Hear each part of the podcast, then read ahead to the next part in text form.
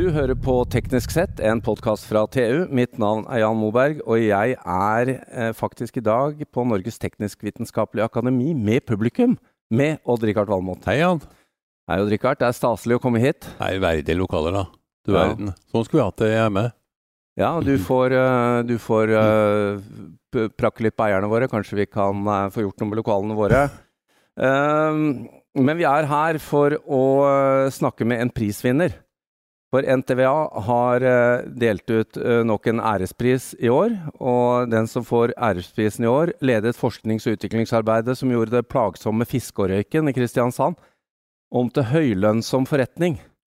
Det er derfor han får får ærespris, og dette er jo virkelig et sirkulærøkonomisk eh, vidunder. Det er et tidlig eksempel på noe som er blitt veldig, veldig viktig i dag. Ja, og da er det bare å introdusere vår gjest. Velkommen, Magne Daastøl. Takk, takk. Du har ledet forsknings- og utviklingsarbeidet på, på Fiskå eller i Elkem i mange år.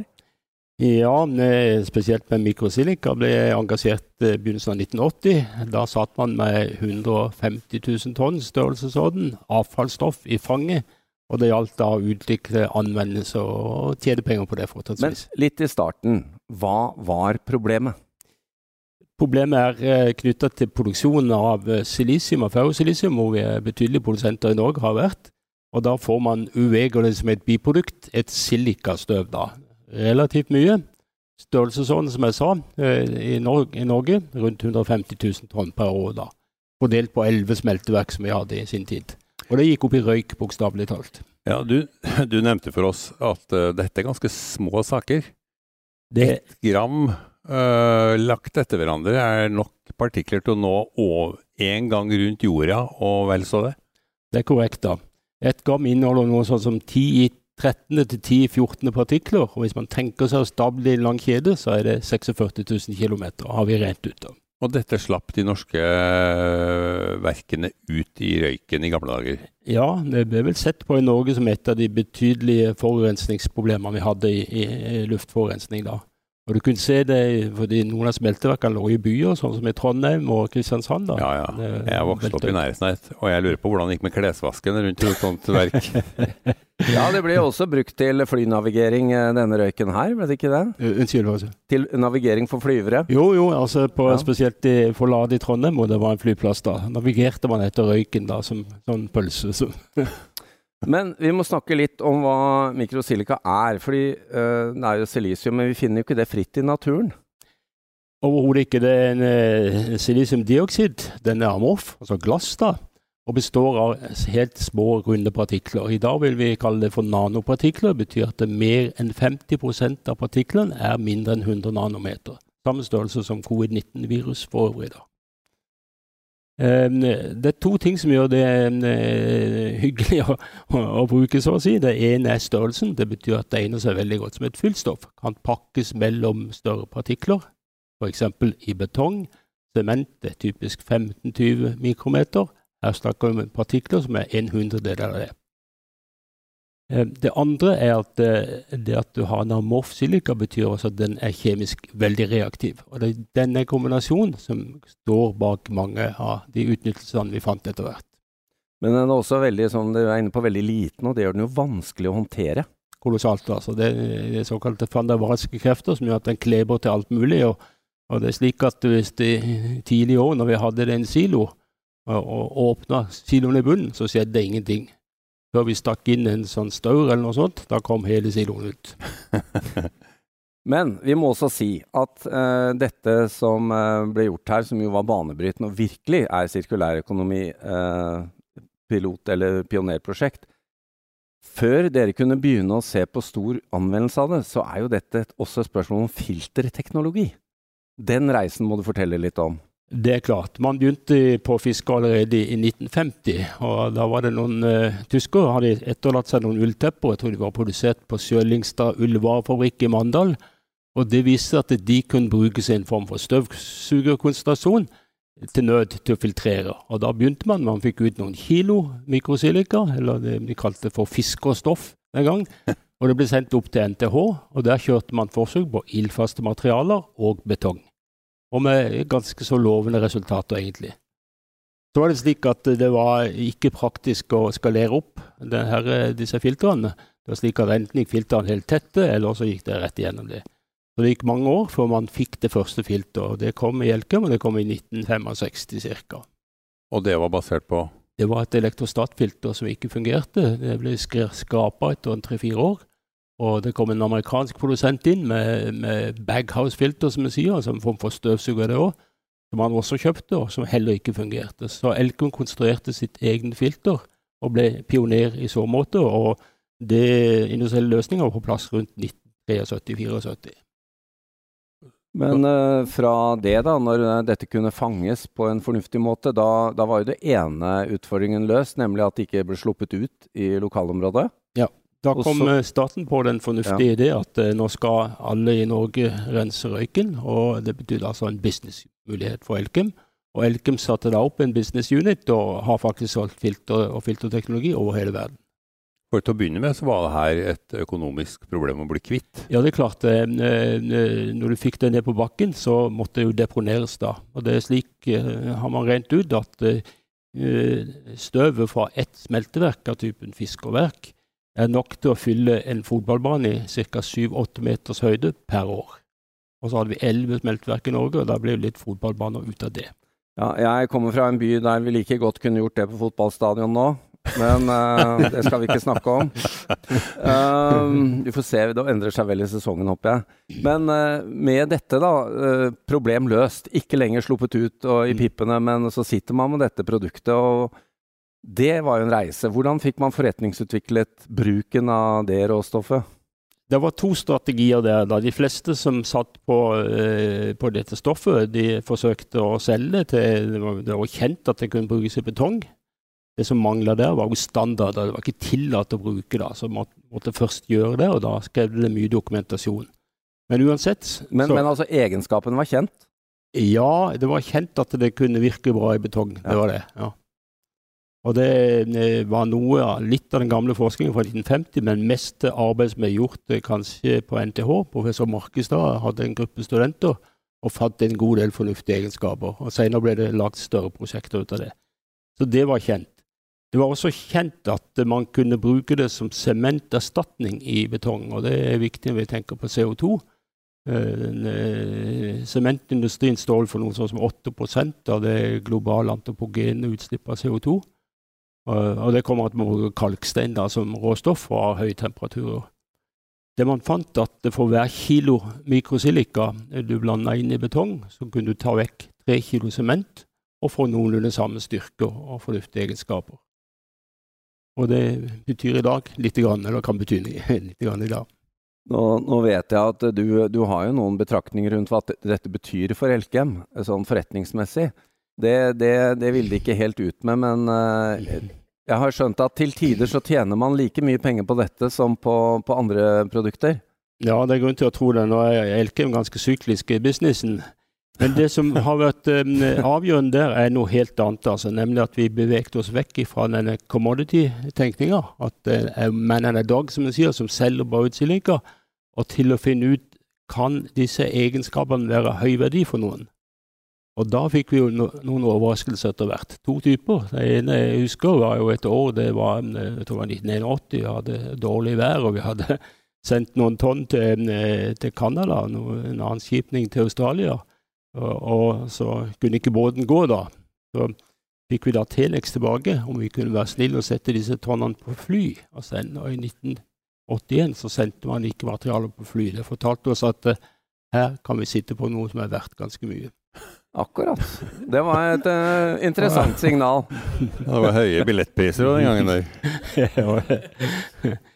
Det som eh, Vi begynte da å selge ut til fastindustrien. Dette har vært et av mine områder. Og så kom eh, da overraskelse nummer to, og det var ikke like hyggelig.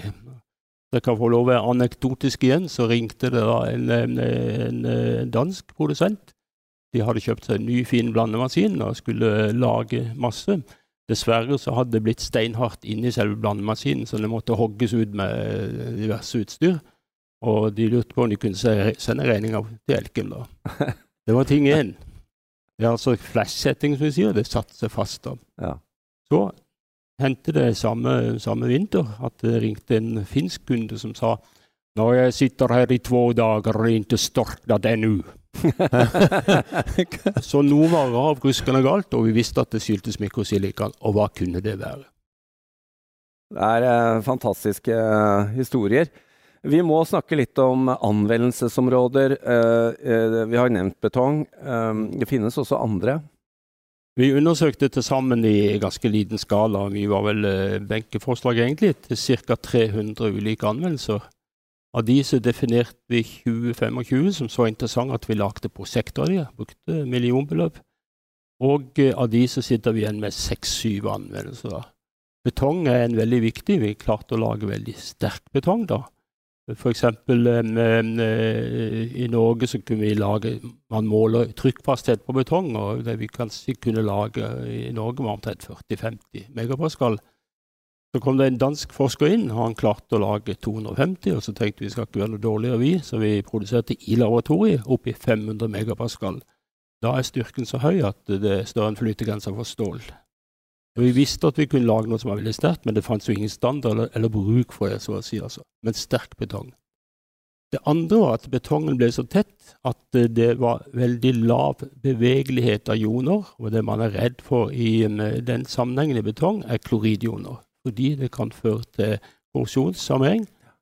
Og da kan man regne på det med fikslov og andre fine ligninger og sånt, og finne ut hvor lang tid det tar før eh, klorider kommer inn og treffer armeringshjernen. I dag er det vanlig når man dimensjonerer bruer, å regne på slike ting. og Man vil gjerne ha 100-120 år før klorider kommer inn. da. Det vi så, var at uh, mikrosilikan ga en betong som var så tett at du kunne øke den kanskje med en faktor på 10 i lengde før det kom inn. Og Dette har vært et veldig viktig bruksområde, og er et viktig bruksområde for Elkem. Store bruer som, eh, som Storebeltforbindelsen de konsumerte 36 000 tonn mikrosilika fra Elkem. Wow. Øresund 25 000 tonn. Og de store brukonstruksjonene rundt i verden, f.eks. Shanghai Bridge og sånn, som er 32 km, inneholder svære mengder. Og Du nevnte at verdens høyeste bygg også har brukt mye mikrosilika? Det er riktig. Når det skal lages noen store skyskrapere, så blir jo eh, massen eller vekten av stål ganske høyt. Eh, og da kan man komme enda høyere til hvis man kan bruke betong da. Da trenger man sterk betong. da. Eh, Burj Khalifa, som er verdens høyeste bygg per dato, ca. 826 meter, tror jeg, eh, det er konstruert og man har brukt 19 000 tonn mikrosilika. 11 000 tonn kom fra Elkem. Interessant er også at um, mikrosilikaen påvirker fersk betong på en uh, sånn måte at den ikke separerer så lett. Det gjør at den er egnet til å pumpe, og i eh, Burj Khalifa så konstruerte man på en Putzmeister-pumpe, og pumpa 605 meter rett opp i one go. Det må jo være 200 bar på noe startene? Sånt, noe sånt. ja, eh, kanskje vi skal dra dit og lage neste podkast, Ja, det tror jeg vi gjør. Om betongpumpe. Kan du være på toppen, så kan jeg stå nede. Men eh, dette er jo fantastiske eh, område. Men det, det, vi skal være litt, kval, eh, litt klar over, som du forklarte oss tidligere, eh, Magne, er jo at det er ikke bare ett produkt. Her er det virkelig forskjell på kvalitet og pris og når du kommer inn på anvendelser. Det er korrekt. En interessant observasjon var jo i 1990, så hadde vi jo begynt å å få litt fart på salget, og vi ble solgt ut i, Norge. Og, og i 1991 så starta vi opp igjen Meråker smelteverk, som var nedlagt, og lage mer mikrosilika, faktisk. da. Så det ble et hovedprodukt etter hvert. Ja. Ehm, men igjen, så der, der, penger ligger, det er i spesialprodukter hvor produktet er tilpassa. Eh, ildfastmarkedet er et eksempel på det. Offshoremarkedet, det å lage en gasstett uh, oljebrønnsement f.eks., er et annet eksempel.